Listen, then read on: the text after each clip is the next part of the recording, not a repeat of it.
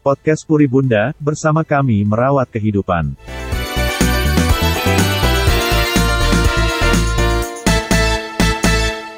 Perkenalkan, saya Dr. Yuki Kurniawan, spesialis andrologi konsultan. Saya andrologis di unit reproduksi Wija Insan Nugraha, RSIA Puri Bunda, Denpasar. Ya, mungkin sebagian besar atau beberapa Bapak Ibu sudah uh, kenal dengan saya. Jadi di sini saya akan menjelaskan sedikit atau sharing ya kita Bapak Ibu. Jadi uh, mungkin nanti kalau ada pertanyaan silahkan ya.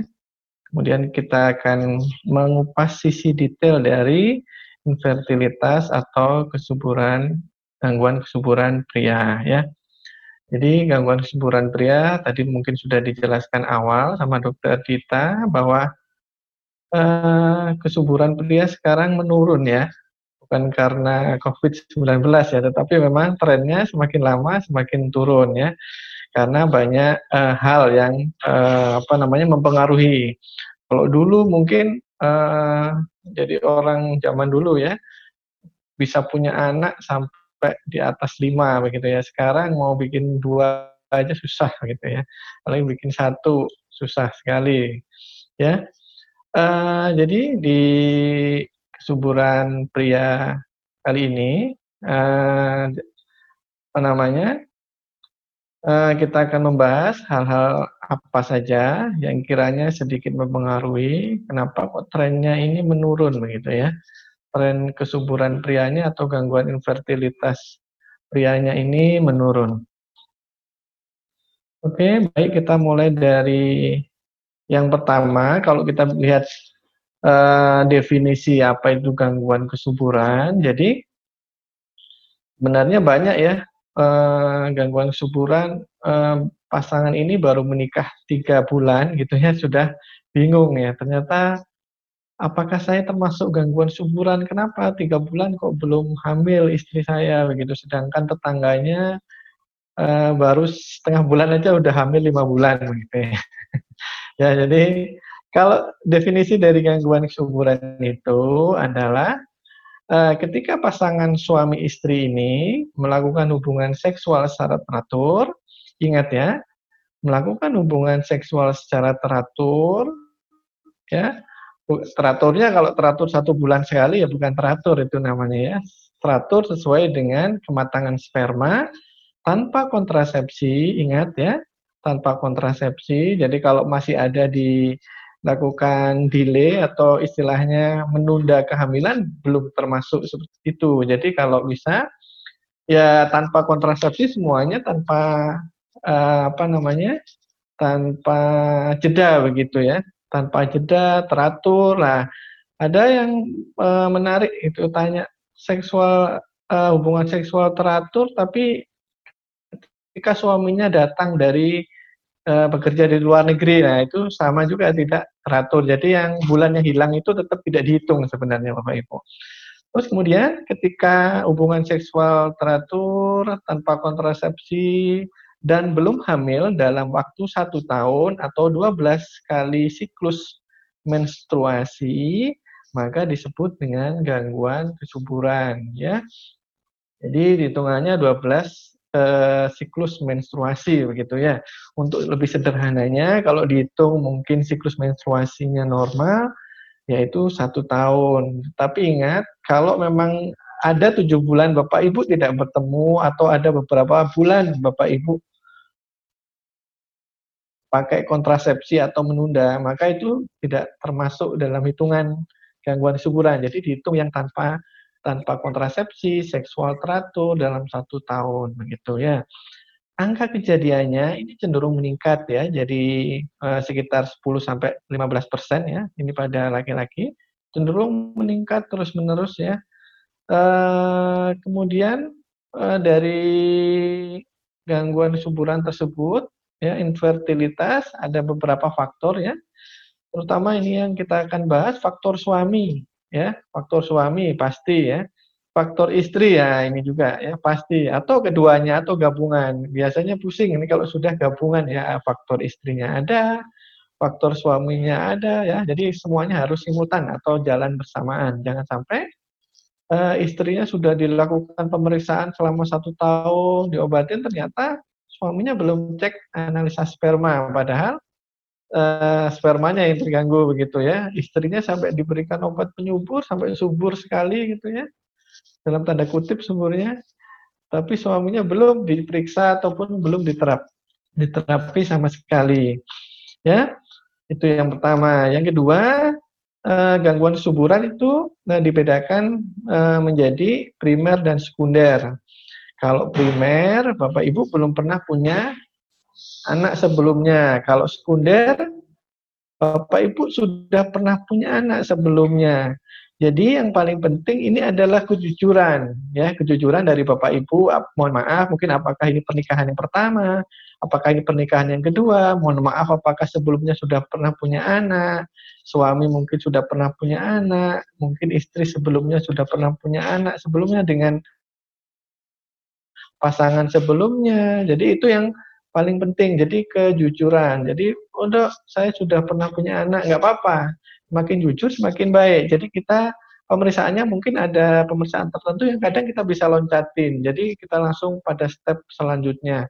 Misal nih uh, apa namanya uh, dengan istri yang sekarang atau dengan pasangan yang sekarang belum punya, tapi dengan pasangan yang sebelumnya um, sudah punya. Jadi kita masih beranggapan oh mungkin kalaupun ada gangguan gangguan suburan pada prianya atau gangguan infertilitas pada pasangan prianya uh, sedikit begitu ya. Ada resikonya tidak terlalu banyak gitu. Nah nanti mungkin kita akan fokus misalnya pada istrinya. Begitu pula dengan sebaliknya kalau memang uh, dari istri oh ya saya sudah pernah punya anak sebelumnya ada dua tahun yang lalu misalnya. Jadi mungkin wanitanya lebih concern uh, ke arah pasangan tersebut lebih concern ke arah atau lebih fokus ke arah uh, pria. Tetapi ingat tetap dua-duanya harus datang ya, dua-duanya harus diperiksa. Meskipun ada fokus-fokus tertentu, misalnya ke pria atau ke wanitanya. Ya, jadi kalau mau bikin anak bareng dua-duanya Bapak Ibu nggak bisa eh, apa namanya? Jadi eh, hanya satu orang aja.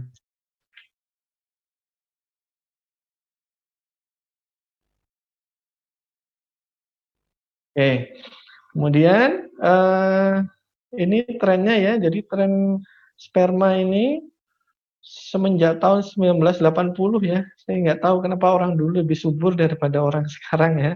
Kalau dilihat, misalnya ini ada uh, delapan ya sperma, sekarang hanya tinggal separuhnya ini ya, tinggal separuhnya di tahun 2020. Jadi sudah turun 50% Bapak Ibu selama 40 tahun itu ya.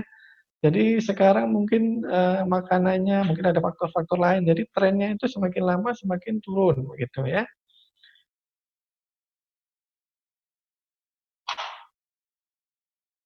Nah, mengapa kalau kita lihat trennya turun ya? Eh, kita banyak menjumpai kita banyak menjumpai menikah di usia yang lebih matang, ya, lebih mature atau lebih tua begitu ya. Dari sisi umur, ah ntar ah gue mau keliling dunia dulu gitu ya, misalnya seperti itu. Ntar nikahnya usia 40-an. Nah, trennya seperti itu. Jadi masih mau menikmati hidup katanya begitu ya. Masih mau jalan-jalan, mau masih traveling ya. Kalau traveling sementara ditunda dulu ya tahun ini Bapak Ibu ya. Kemudian gaya hidup modern. Nah, obesitas ya, ini sudah tidak bisa dipungkiri. Obesitasnya tambah nama, tambah naik. Bahkan eh, kita yang ada di Bali tren obesitasnya nomor dua di setelah Jakarta begitu obesitas ya. Jadi eh, makanannya apa namanya banyak gitu ya yang masuk asupannya nutrisinya tapi mungkin aktivitas fisik kita sedikit begitu ya. Kemudian alkohol. Nah, ini yang suka alkohol ya dalam bentuk apa pun gitu ya. Jadi trennya jauh lebih banyak mungkin karena lifestyle-nya ya. Oh iya, nanti ada teman saya datang minum gitu ya. Kalau mungkin hanya apa namanya acara tertentu satu bulan sekali ya silahkan aja. Tetapi kalau hampir setiap hari, hampir setiap minggu gitu ya sampai pagi gitu ya alkohol ya pasti Bapak Ibu mengganggu. Ya, kemudian obat-obatan. Nah, obat-obatan ini banyak uh, yang digunakan ataupun kadang kita tidak sadar terutama di tempat-tempat uh, olahraga begitu ya. Olahraga-olahraga yang membentuk uh, otot. Nah, trennya olahraga yang membentuk otot itu menggunakan uh, semacam obat kayak steroid ya steroid untuk membentuk otot, kemudian apa namanya uh, pil yang katanya untuk membuat otot tambah kering, tambah kuat begitu ya. Padahal jelas sekali obat-obatan itu atau suplemen itu banyak sekali mengandung obat-obatan uh, banyak sekali mengandung zat hormonal begitu ya. Jadi ada beberapa kasus uh, saya harus merestart ulang begitu. Jadi karena uh, beberapa pasien, beberapa bapak-bapak menggunakan steroid. Nah, steroid ini sangat mengganggu karena ada beberapa spermanya, sel spermanya yang sampai nol karena zat steroid tersebut, ya. Dinetralkan selama satu tahun dulu ditunda punya anak. Kita lihat kemampuan uh, istilahnya merestrat atau uh, apa namanya uh, di shutdown ulang gitu ya. Di di restart ulang supaya kira-kira testisnya mampu membuat sperma atau tidak gitu ya. Kemudian polusi lingkungan. Nah ini ya kita sudah paham ya bahwa kecenderungannya banyak yang uh, berganti-ganti pasangan begitu ya. Berganti-ganti pasangan ataupun ada uh, prostitusi dan lain sebagainya, kemudian junk food yang juga mempengaruhi di obesitas tadi itu. Jadi junk foodnya semakin lama semakin banyak. Ya kita COVID-19 ini juga agak bersyukur ya Bapak Ibu, kita juga apa namanya bisa masak di rumah begitu ya. Jadi potensi junk foodnya menurun sebenarnya bagus, cuman karena tidak olahraga kadang uh, kita di rumah jadi obesitas ya. berat badannya naik semua ya. Oke, okay kita lanjutkan. Eh, nah, ini sekilas dari tempat produksi sperma ya. Jadi eh, mungkin kalau Bapak Ibu ada yang beranggapan bahwa tempat keluarnya kencing dan keluarnya sperma sama, tempat keluarnya ya, tetapi tempat produksinya berbeda ya. Bisa satu dengan yang lain saling melintasi. Jadi ingat kadang beberapa uh, saluran ini menjadi satu kalaupun ada infeksi misalnya infeksi saluran kencing juga terkadang mempengaruhi uh, produksi sperma mempengaruhi apa namanya perjalanan sperma begitu. Ya dari produksi sperma itu yang pasti kalau bapak ibu periksa ke dokter andrologi mana pun ya yang pertama diperiksa adalah testisnya atau buah pelirnya jadi testis atau buah pelir ini adalah tempat menghasilkan sperma. Ya, jadi ini jangan dimanipulasi atau jangan dibuat mainan ya ibu-ibu ya, jangan ditarik-tarik begitu ya.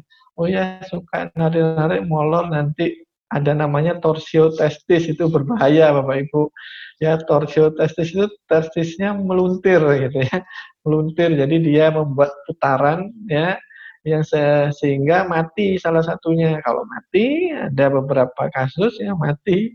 Jadi itu e, mati satu akhirnya beberapa bulan ke, satunya diangkat sudah yang mati itu akhirnya satunya juga ikut terganggu ya.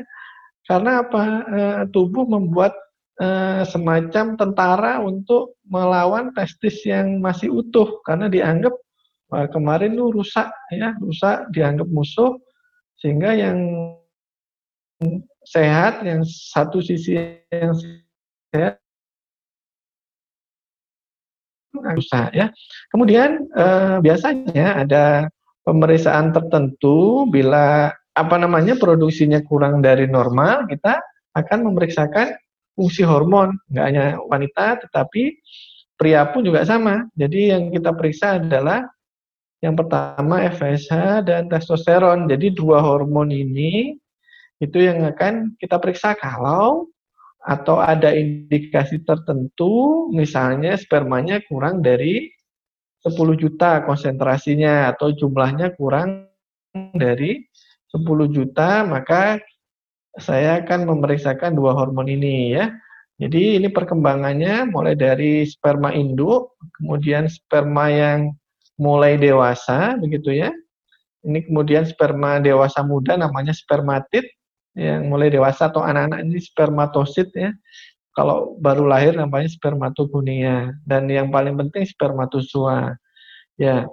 Ada beberapa kasus tertentu yang spermanya tidak bisa dikeluarkan atau spermanya air maninya keluar tetapi spermanya tidak ada maka terkadang kita bisa langsung uh, mengambil sperma itu dari testis maka dijaga ya testis atau buah belitnya tersebut ya Oke, itu dari produksi sperma ya. Produksi spermanya agak panjang Bapak Ibu, jadi sekitar 72 hari. Jadi kalau misalnya eh, spermanya kurang dari 10 juta gitu ya, mau lihat perkembangannya jangan terburu-buru. Wah, satu bulan lagi pasti bagus belum. Jadi sekitar dua setengah bulan lagi baru bisa dinilai apakah uh, apa namanya pengobatan tersebut ataupun uh, intervensi atau terapi dari dokter tersebut berhasil atau tidak. Jadi uh, waktunya agak panjang Bapak Ibu, 72 hari atau dua setengah bulan itu pada manusia begitu ya. Kalau memang gangguannya hanya pada kualitas ya, pada gerakan, biasanya dalam satu bulan kalau terapinya bagus, penyebabnya diketahui, biasanya satu bulan udah bisa dilihat. Tetapi kalau tentang jumlah, jumlah cukup lama ya, sekitar 72 hari atau dua setengah bulan. Makanya kadang tanya, dok kok lama sekali ini, tujuh dua setengah bulan, saya terburu-buru sudah ditanya netizen ini di rumah gitu ya. Netizen di rumah ini mungkin yang paling tajam ya, atau uh, di kampung itu udah ditanya, kok belum, kok belum gitu ya. Jadi memang butuh waktu, makanya dijaga ya Bapak Ibu ya. Oke, kita lanjutkan. Nah, ini beberapa eh, apa namanya eh, penyebab gangguan kesuburan pria atau infertilitas. Ada namanya idiopatik ya. Idiopatik ini kadang kita tidak diketahui penyebabnya begitu ya. Ada faktor X atau istilahnya sebenarnya bisa kalau diketahui jadi kita periksakan subgennya begitu ya, ada subgen ya. Jadi ada kromosom yang bawahnya kromosom namanya gen ya, subnya. Jadi itu memang agak susah Bapak Ibu. Ya, kalau idiopatik ini lumayan cukup tinggi ya. Kemudian eh, dapatan atau iatrogenik biasanya paling banyak yang ditakutin Bapak ini adalah varikokel gitu ya. Varikokel. Jadi varikokel kemudian obat-obatan tadi itu ya Terus uh, gaya hidup saya sudah jelaskan tadi mulai dari rokok, alkohol, obesitas, stres. Nah, semua dua bulan ini sudah stres ya. Mudah-mudahan spermanya tidak turun begitu ya. Bapak-bapak ya. Kemudian usia, usia misalnya di atas 40 tahun ya kita harus waspada karena biasanya sudah ada perubahan hormonal begitu ya. Bapak-bapaknya hormon testosteronnya kadang sudah mulai turun. Meskipun tidak menutup kemungkinan ada uh, yang sampai usia 60 tahun itu hormonnya masih sangat bagus sekali. Ternyata setelah di uh, apa namanya hormonnya masih sangat bagus dan spermanya masih bagus begitu. Usia 60 Bapak Ibu. Jadi ternyata aktivitas olahraganya bagus gitu Bapak-bapak tersebut ya. Jadi olahraganya bagus. Jadi olahraga dan gaya hidup sehat ini bisa sperma usia 60 bisa sangat bagus sekali kayak sperma usia 25 begitu ya. Jadi sangat banyak kualitasnya ya, sangat bagus ya. Kemudian lingkungan ya, lingkungan panas, mungkin kalau di sini hanya panas di luar ya, artinya panas ini yang menyangkut di pekerjaan, misalnya chef gitu ya. Terus kemudian uh, sopir, mohon maaf ya, mungkin yang mesin uh, mobilnya itu ada di bawah di bawahnya jok depan begitu ya itu yang uh, bisa menyebabkan gangguan reproduksinya di situ ya. Pembuatan spermanya kemudian polusi polusi mungkin kalau Bapak Ibu di daerah industri tapi kalau Bali nggak ada industri ya mungkin di luar Bali yang industri industri besar begitu. Logam berat mungkin nggak ada ya plastik dan pestisida mungkin daerah perkebunan ya Kemudian infeksi, nah ini infeksi yang paling penting kadang uh, kejujuran itu yang utama ya. Jadi kalau bapaknya pernah infeksi, entah itu hanya sering infeksi anyang-anyangan begitu ya, terus kemudian eh, apa namanya pernah keluar kencing nanah atau kencing darah itu harap jujur ya karena semakin jujur kita terapinya semakin cepat begitu ya apalagi mungkin kalau memang spermanya sudah sampai nol kita biasanya oh ya penyebabnya buntu jadi segera di uh, ditangani. Langkah selanjutnya apa? Supaya nanti takutnya ada beberapa ini sudah diobatin sudah dua bulan tiga bulan gitu ya. Kita tidak mau memberikan harapan palsu gitu. Kalau memang sel spermanya buntu ya apa tidak bisa keluar air maninya saja yang keluar karena infeksi ya sudah dipikirkan untuk dilakukan langkah selanjutnya biasanya dengan uh, bayi tabung atau IVF ya kemudian uh, autoimun ini jarang ya yang paling sering adalah infeksi prostat kronis gitu ya. Tandanya biasanya di sel darah putihnya tinggi di spermanya ya. Kemudian eh, penyakit kronis, nah ini yang paling penting. Jika Bapak Ibu di atas 35 ya, mungkin apalagi di atas 40 bapaknya kalau mau ini ya mungkin bisa cek eh, gulanya dulu ya. Kadang susah sekali untuk mengobati yang uh, gangguan sperma yang karena diabetes. Selain diabetesnya sendiri atau gulanya sendiri diobatin sama dokter uh, penyakit dalam misalnya ya atau kontrol teratur ke poliklinik penyakit dalam. Ya, jadi itu semua yang beberapa yang menyebabkan gangguan suburan atau menyebabkan radikal bebas pada sperma ya, radikal bebas pada sperma. Ya, Ya, jadi kalau boleh disimpulkan radikal bebas tadi itu ya kalau dia uh, ternyata oh spermanya bagus kok tidak kelihatan ya. Misalnya varikokel ini yang paling banyak varikokel ya.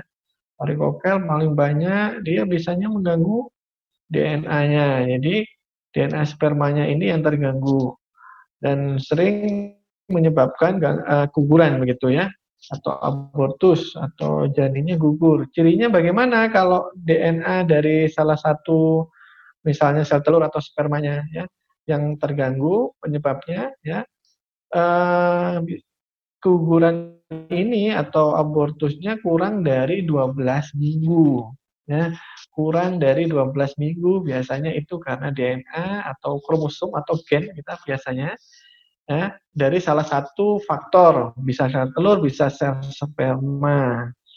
Tetapi yang paling banyak terganggu, yang paling gampang terganggu itu adalah sel sperma. Jadi sel spermanya ini dari luar ini bentuknya bagus.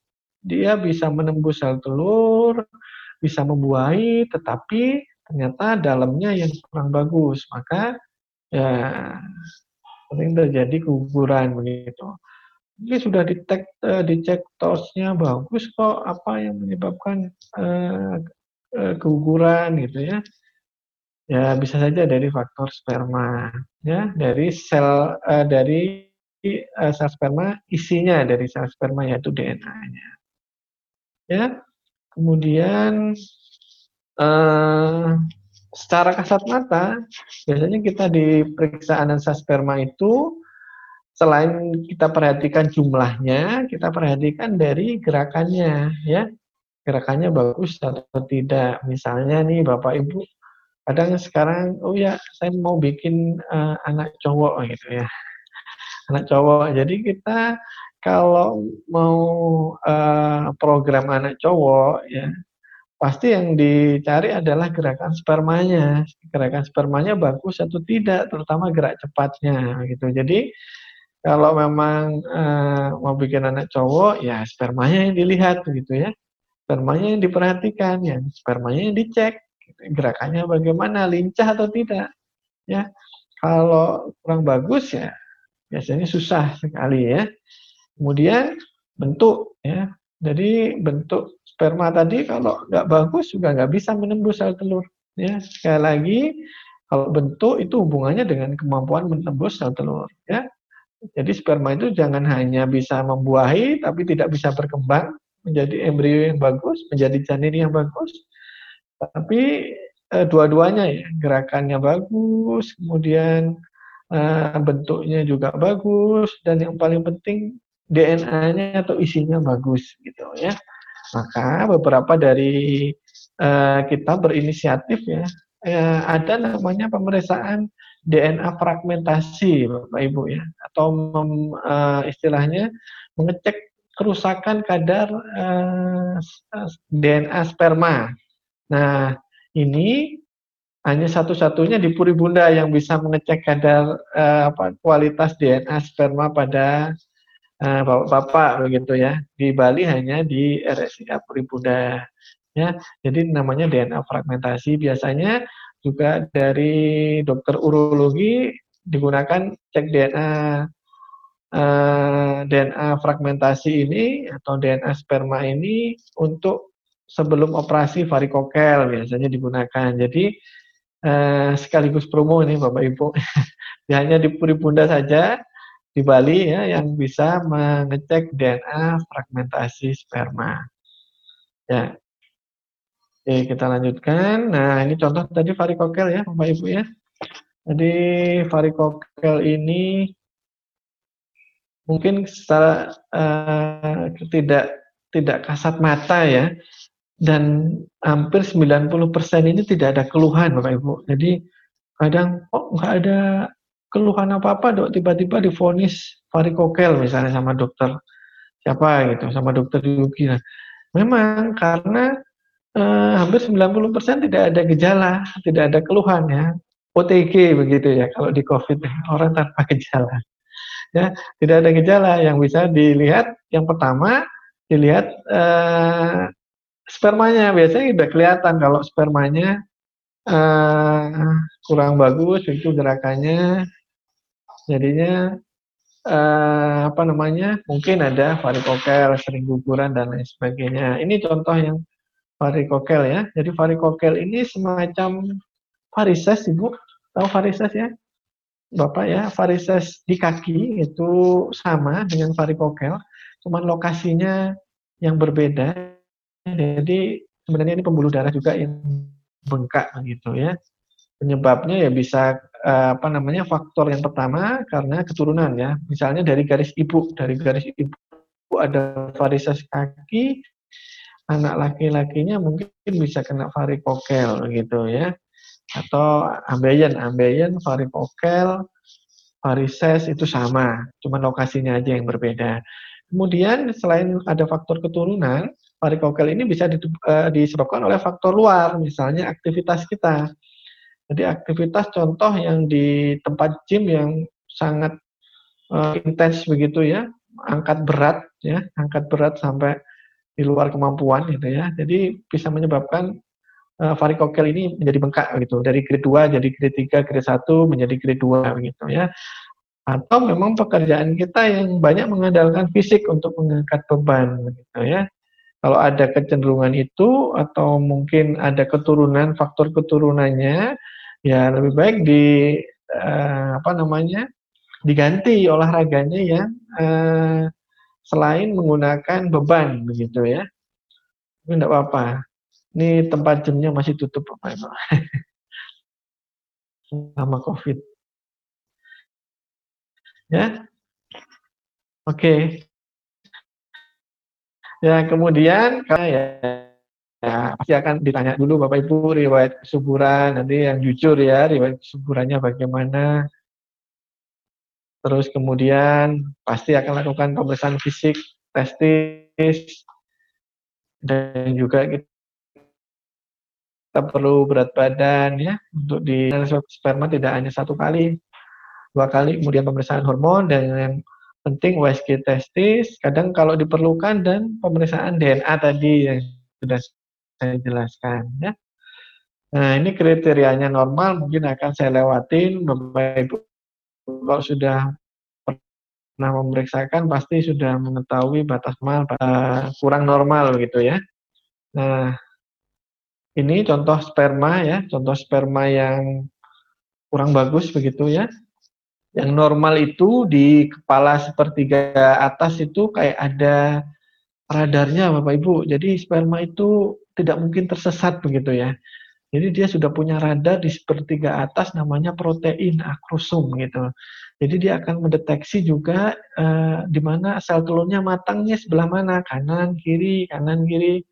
Mungkin kalau bulan ini yang kanan, sel sperma akan ke kanan, ke kanan di sisi kanan kandung eh, apa namanya induk telur ibu gitu ya. Jadi dia tidak akan tersesat.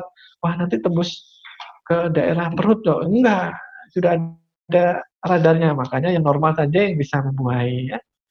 Kemudian penanganan ya pasti ada beberapa penanganan nanti kalau sudah kita periksa. Yang pertama hormonal ya, hormonal ada kalau jumlahnya kurang, tidak ada varikokel, pasti kita akan uh, mencoba menaikkan jumlah sel sperma tersebut. Mungkin ada obat-obatan jenis hormonal ya. Kemudian antibiotik kalau misalnya memang ada infeksi Bapak Ibu ya. Kemudian antioksidan, nah antioksidan ini kayak semacam wajib begitu ya digunakan jadi pendampingnya karena tadi itu radikal bebas ini digunakan e, dinetralkan dengan antioksidan. Makanya pasti dokternya memberikan antioksidan salah satunya. Siapa tahu dari radikal dari produksi radikal bebas tersebut e, dinetralkan dengan antioksidan sehingga spermanya menjadi bagus.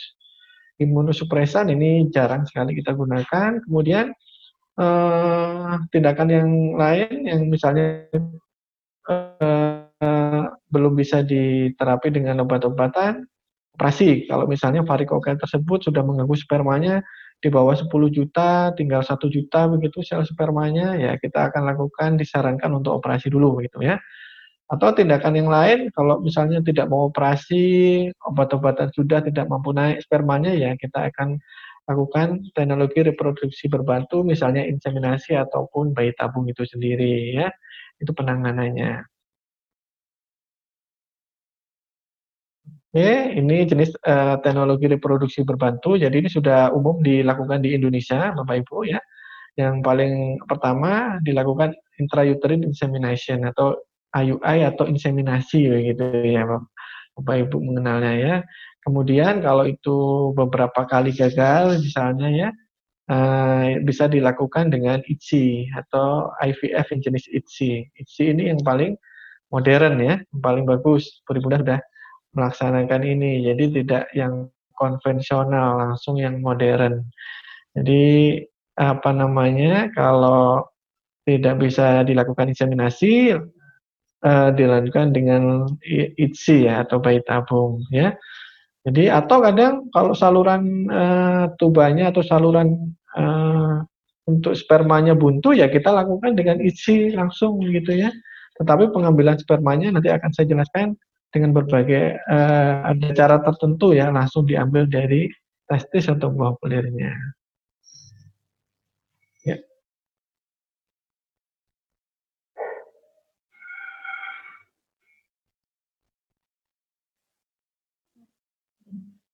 Ya. Ya, uh, eh, IUI ya ini. Jadi diolah dulu, videonya tidak jalan ya. Kemudian, oh jalan. Nah, ini contoh kecil ya. Intrauterine bisa. Jadi spermanya akan dipilah. Kalau program cowok biasanya kita ambil yang paling gesit begitu ya. Kemudian nanti sama dokter kandungannya, dokter objinnya akan dimasukkan Nah, jadi spermanya dibantu perjalanannya ditransfer gitu ya. Nah, supaya cepat membuahi karena ada waktunya. Ya. Terus dia perjalanannya kalau insem mungkin dia langsung membuahi di sekitar 30 sampai 30 menit sampai satu jam begitu. Nah, ini sel telur. Jadi itu jadi spermanya dipilah dulu Bapak Ibu. Spermanya yang cepat, yang bagus ya akan dimasukkan ke dalam rahim ya. Kemudian ini proses ITSI, bayi tabung ya. Jadi spermanya akan dipotong dulu ya ekornya, splash namanya. Nah, dimasukkan ke dalam alat ya. Nah, ini sel telur sel telur ibu nanti ya spermanya akan langsung disuntikkan ke dalam sel telur tersebut ya dimasukkan. Ya itu spermanya ya. Masih nyangkut ya. ya. Oke, nah itu itsi ya, jadi langsung dimasukkan. Kemudian kriterianya apa kira-kira kalau ya, untuk inseminasi? Jadi ini perhatikan kotak-kotaknya. Jadi kalau untuk inseminasi itu uh, minimal jumlahnya 10 juta. Bukan biayanya ya, jumlah sel spermanya gitu ya. Konsentrasinya minimal 10 juta, jadi bisa dilakukan inseminasi. Atau 10 juta ke atas lah, semakin banyak semakin bagus. Gerakannya minimal 25 persen ya. Di angka 25 persen yang bergerak, yang cepat maupun lambat begitu, itu minimal itu. Semakin bagus gerakannya, semakin uh, tinggi atau semakin angka keberhasilannya semakin meningkat. Ya. Kemudian ini teknik pengambilan sperma. Yang pertama ya Pak Ibu mungkin sudah pernah apa Pak ya sudah pernah cek sperma ya biasanya dengan masturbasi begitu ya atau uh, kita punya ruangan khusus ya masturbasi dikeluarkan gitu ya spermanya ditampung. Kemudian kemarin ada juga yang uh, karena jadi ejakulasinya itu tidak keluar air maninya. Jadi kita periksa air kencingnya gitu ya, air kencingnya. Jadi nampung air kencing untuk diperiksa sel spermanya ya. Atau kita bisa menggunakan namanya PESA, jadi langsung diambil sel spermanya pada buah pelitnya tersebut. Atau TESA. Banyak yang hamil Bapak Ibu dari bayi tabung dari PESA ini. Jadi sel spermanya langsung diambil dari buah pelitnya atau testisnya. Ya. Jadi eh, cukup banyak yang berhasil begitu ya. Kesimpulannya ya kalau pada pria ini penyebabnya multifaktor ya. Tadi itu banyak sekali ya. Pria ini kadang jarang ada gangguan, tetapi kalau sekali ada gangguan agak susah gitu. Nah, jadi perlu sabar karena lama ya 72 hari. Kalau kita mau menaikkan sperma itu baru bisa di uh, apa namanya evaluasi ya waktunya dua setengah bulan ya juga uh, membutuhkan support dari keluarga misalnya tentang makanan makanannya begitu ya yang sehat ya. Kemudian kalaupun tidak bisa dibantu gitu ya sudah beberapa bulan ataupun spermanya nol ya kita bisa lakukan dengan uh, teknologi reproduksi berbantu ya mungkin bisa inseminasi atau bisa dilakukan dengan ITSI atau bayi tabung tersebut ya Kalaupun nol, jangan khawatir dulu. Misalnya spermanya nol, kita bisa lakukan ITSI tadi itu dengan mengambil uh, sperma langsung dari buah pelitnya atau testisnya. Ya, ya. Jadi jaga kesehatan ya Bapak Ibu ya. Ini ada quote-nya. bahwa kita dari sperma yang terkuat begitu memang betul ya sperma yang memulai ya oke terima kasih bapak ibu ya.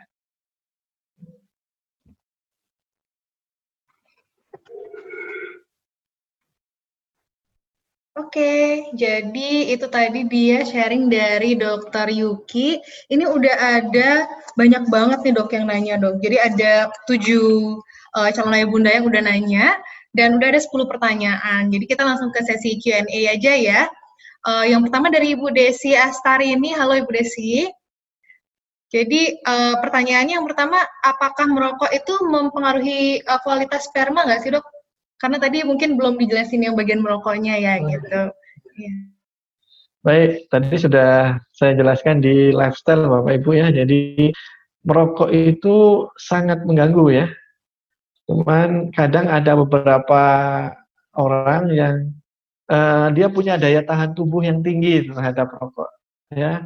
Jadi misalnya begini, sel spermanya aslinya memang 100 juta misalnya. Itu kan sangat normal ya, bagus sekali setelah merokok dia menjadi 50 juta separuhnya ya. Jadi ya memang menurun tapi dia masih bagus gitu. Tetapi karena merokok tersebut menurunnya menjadi 50% dari jumlah awalnya. Kan memang belum pernah dicek gitu ya. Terus kemudian ada orang yang punya produksi spermanya pas-pasan gitu ya.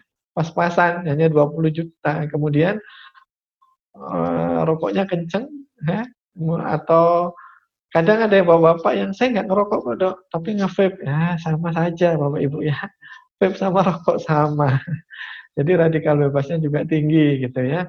Jadi intinya eh, rokok itu sangat mengganggu. Kadang bisa sampai 50% persen kalau misalnya rokoknya ini ya, cukup intens ya. Rokok berat lah. Lebih dari rokok berat lebih dari 20 batang sehari begitu ya. Jadi vape, rokok sama ya. Jadi jangan wah di depan dokter nanti ngeles aja lah. Saya nggak merokok dok, tapi saya nggak vape ya sama saja ya. Jadi itu sama. Oke dokter, makasih dok. Jadi kalau misalnya merokok itu uh, mempengaruhi ya, cuma tergantung kondisi dari uh, sperma awalnya gitu ya dok ya. Nah terus ada pertanyaan kedua nih, jadi bapaknya nggak mau disebut namanya. Uh, pertanyaannya adalah ukuran standar uh, dari testis tuh ada nggak sih dok? Ada Bapak Ibu, sebenarnya kita harus mengukur uh, buah pelir, tapi nanti Bapak Ibu akan kesakitan ya. Akan kesakitan akan saya masukkan biasanya ke dalam lingkaran begitu. Uh, jadi itu ukuran normalnya berapa, tetapi kalau mungkin dengan eh, teknik apa namanya dokter androloginya sendiri kan sudah biasa, oh ini normal, oh ini kecil, oh ini lunak gitu ya. Jadi kadang dari kekenyalannya saja itu bisa dinilai ini normal atau tidak dari ukurannya itu bisa dinilai ya. Kita punya ukuran sendiri kalau dokter uh, neurologi oh sekian gitu. Bisa kita periksa sekilas diameternya sekian normal misalnya. Memang ada Bapak Ibu. Memang ada alatnya tetapi alat ini kenapa tidak saya gunakan untuk pemeriksaannya karena agak sedikit me, sedikit sakit karena testisnya harus dimasukkan ke dalam lingkaran gitu sakit Bapak Ibu. Jadi saya menggunakan kriteria tangan saya sendiri untuk memeriksa apakah ukuran dari testis tersebut normal atau tidak. Selalu ada ukuran normal karena itu untuk menentukan prediksinya. Biasanya contoh yang sel spermanya tidak ada atau ASUO atau nol gitu ya. Terkadang saya akan e, mengukur dulu itu testisnya. Oh Bapak kayaknya produksinya ada begitu. Bapak nggak usah khawatir itu. Bapak tidak 100% mandul. Ya. Mandulnya hanya eh, 80%. 20 persennya masih banyak ini kayaknya. Begitu, Bapak Ibu. Ya, terima kasih.